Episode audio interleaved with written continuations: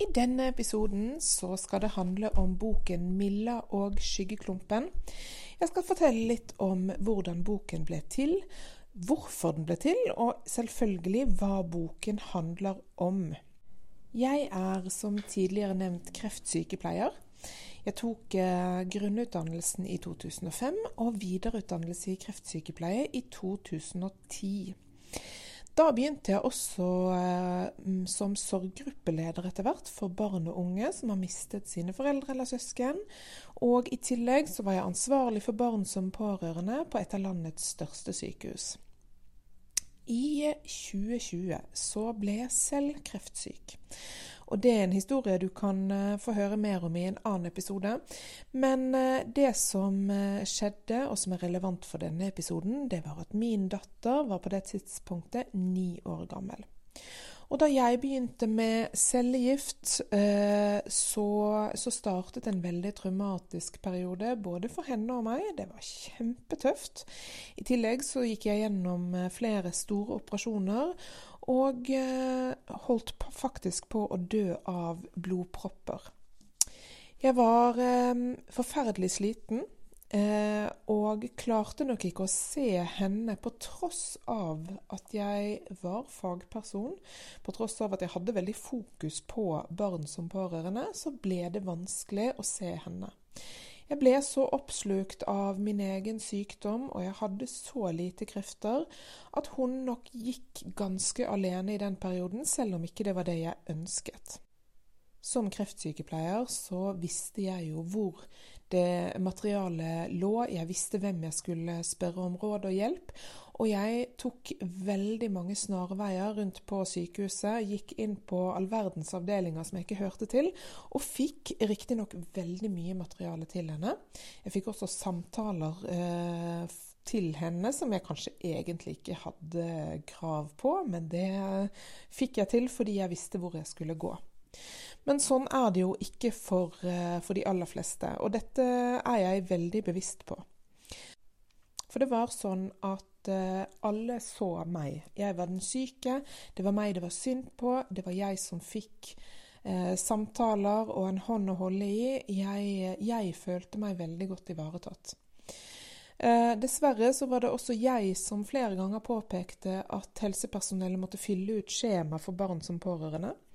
Dette skjedd, skal skje automatisk, men det gjorde det ikke. Og I tillegg så var det lite kontinuitet i eh, i å følge opp disse skjemaene. Og det gikk eh, faktisk over to år før eh, den fastlegen eh, jeg hadde, spurte hvordan det egentlig gikk med datteren min oppi alt det som hadde skjedd.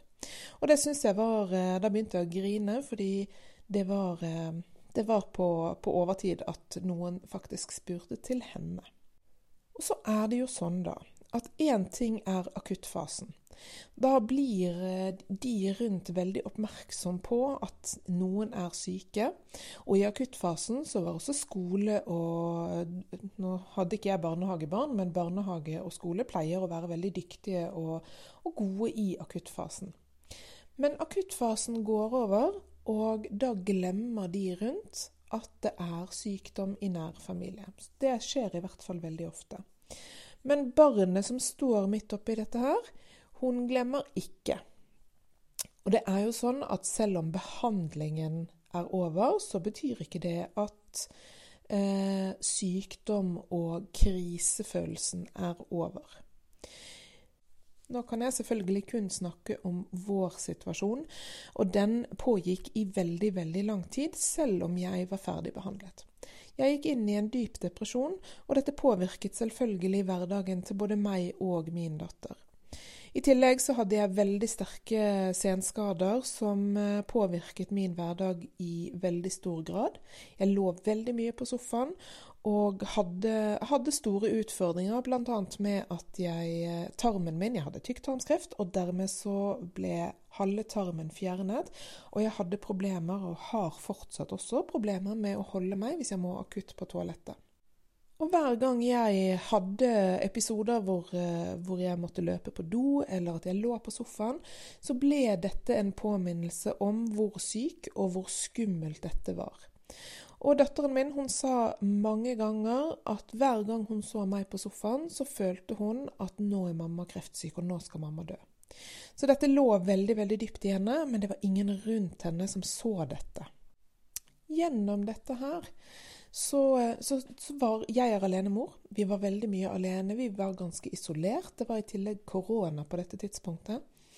Uh, og vi levde i vår egen lille boble, som ble veldig, veldig smertefull på hver sin måte. Hun hadde sin smerte, og jeg hadde min smerte. Og oppi dette så forsøkte jeg å være mamma, og jeg forsøkte å uh, gi henne den hjelpen som jeg visste hun trengte. Jeg meldte henne på all verdens kurs og greier, og det var jo veldig bra. Men likevel så ble det en forferdelig vond periode for oss begge. Og denne perioden den varte i nesten to år. Og to år, det er ufattelig lenge for et lite barn.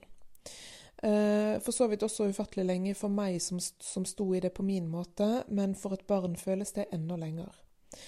Og det vi opplevde, det var jo at uh, helsesykepleier, som selvfølgelig ble involvert veldig tidlig, ikke greide å nå inn til henne vi opplevde at legen, som nevnt tidligere, ikke spurte engang til henne før det var gått over to år. Vi opplevde i starten en kreftkoordinator som vi fikk veldig fort byttet ut, eh, som ikke hadde tid eller interesse i å komme og besøke oss. Eh, Sykehuset var for så vidt opptatt av at jeg hadde barn, men problemet der det var at dels så var jeg jo ikke innlagt i mer enn noen uker, og i perioder bare noen dager om gangen. Eh, og da ble hun rett og slett bare et navn på et papir. Og i dette her så oppsto veldig tidlig en tanke hos meg.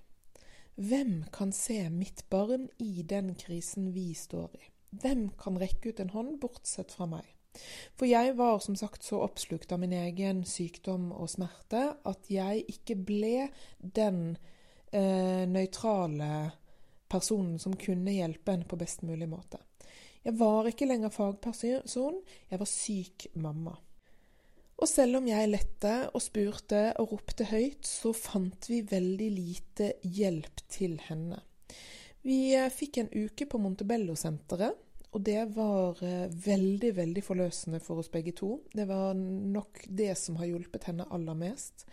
I tillegg så har hun gått på, på smilkurs, eh, som også var veldig bra. Men det var likevel ikke der hennes hverdag foregikk. Um, og igjen og igjen så kom dette spørsmålet opp i meg. Hvem ser henne i hennes hverdag? Og under hele forløpet så sa jeg til henne det skal komme noe godt ut av dette. Og jeg trodde egentlig ikke på det selv, og hun trodde i hvert fall ikke på det, men allikevel så ble det et sånt mantra som vi sa hver eneste kveld. Det skal komme noe godt ut av dette her. Og det gikk lang tid uten at eh, vi så at det kom noe godt ut av dette her. Men så en kveld så hadde jeg lagt meg og var egentlig på vei til å sovne, hvor det opplevdes nesten som om lynet slo ned. Og jeg måtte sette meg opp og finne frem eh, bok og bare sitte og skrive. Og jeg satt i flere timer og skrev og skrev og skrev og skrev. Og den natten ble Milla og skyggeklumpen til. Og neste morgen så spurte jeg datteren min om jeg kunne få lov å lese noe for henne. Og leste da den teksten jeg hadde skrevet, hvor, um, um, hvor tårene nesten sto i øynene på henne. Og hennes reaksjon var 'Mamma, det føles som du leser om meg'. Og jeg har ikke skrevet den ut fra hennes perspektiv, det er ikke vår historie jeg skriver om, men det er allikevel så gjenkjennbart for henne som barn som pårørende. Og så ble jo neste spørsmål hvordan skal denne boken illustreres? For det var en barnebok, og den var tenkt som en barnebok, og eh, barn de ønsker bilder. Og min datter er ganske flink til å tegne. Og vi måtte faktisk nedtone hennes eh, tegneevner, fordi vi ville at, eller jeg ville at tegningene skulle være ganske enkle. Eh, og hun syntes dette var veldig gøy, og sammen så kom vi frem til, og fikk hun en oppgave av meg, tegn Milla sånn og sånn. Og det gjorde hun. Og uh, resultatet ble veldig fine tegninger som illustrerer veldig godt hvordan det kan føles å være barn som pårørende. Og nå i sommer 2022 så kom altså den ferdige boken fra trykken. Og nå er den endelig i salg. Den kan kjøpes på min hjemmeside eh, eller via Facebook eller Instagram.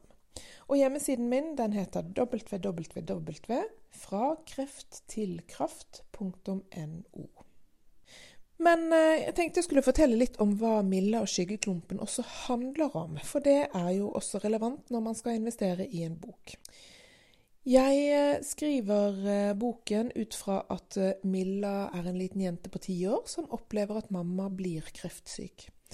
Og selv om jeg har fokus på kreft, så kan denne boken fint leses av andre, andre sykt, altså foreldre eller andre i familien som får alvorlig sykdom. Um, men den kan også gjelde andre tilstander, som f.eks. rus eller, eller, alkohol eller psykiatri. For der er også barn som pårørende. Men Milla er altså da ti år og får en kreftsyk mamma. Og eh, boken har Millas perspektiv. Jeg skriver veldig lite om hva mamma går igjennom. Det eneste man, man eh, ser fra mammas ståsted, det er at hun endres Altså utseendet endres i form av tap av hår. Um, også dette med lukt og, og, fornemmelsen av hvem mamma er. Um, Milla hun opplever dette som veldig, veldig vanskelig. Hun strever veldig med å forstå seg selv, hun strever med å forstå sine egne følelser. Og rundt henne så står det mange voksne som nok gjerne vil hjelpe, men som heller ikke forstår Milla. For Milla, hun gjør litt rare ting. Hun opplever at denne skyggeklumpen som vokser frem inni henne, får henne til å gjøre ting hun normalt ikke ville gjort. F.eks. å slå, eller å skrike, eller å gjøre andre litt rare ting. Og Milla blir veldig fortvilet over dette, og de voksne syns det er vanskelig. Um, og det er egentlig det boken beskriver på mange ulike måter. Noen kan kanskje ønske seg en bok med en happy ending, men det er ikke denne boken. Millas mamma vet vi ikke om eh, overlever, eller om hun fortsetter å være syk og kanskje dør. Det kommer ikke frem av historien, og det er rett og slett fordi at boken skal passe til både de med alvorlig uhelbredelig sykdom og de som blir friske.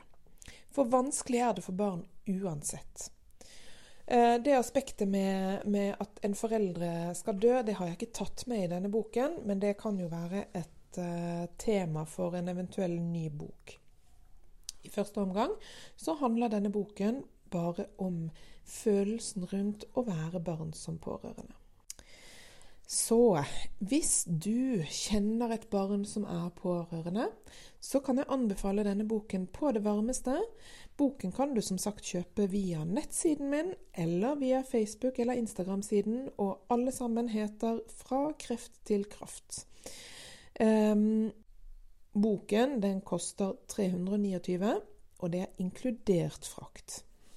Man kan også kjøpe boken som eh, e-bok. Da får man medbildene, men jeg vil nok anbefale å kjøpe hardcover-boken, altså den ordentlige boken, fordi det gir en større følelse for barnet å bli enten lest for eller selv å lese boken.